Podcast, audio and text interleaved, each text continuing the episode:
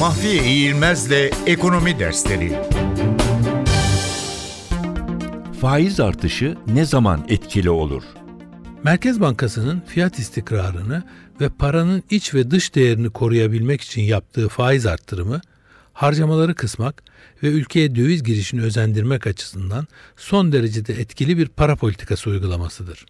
Bu uygulamadan kısa sürede sonuç alınır. Faizin yükseldiğini gören yabancı fonlar topladıkları paraları ülkeye getirir ve bunun sonucunda kur gerilemeye ve onun da etkisiyle enflasyon düşmeye başlar. Ne var ki faiz tek başına bu değişimi başaramaz.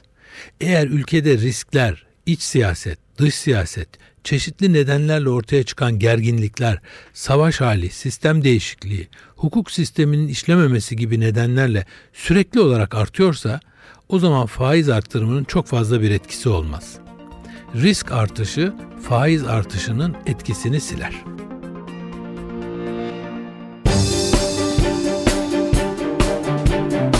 Mahfiye İğilmez'le Ekonomi Dersleri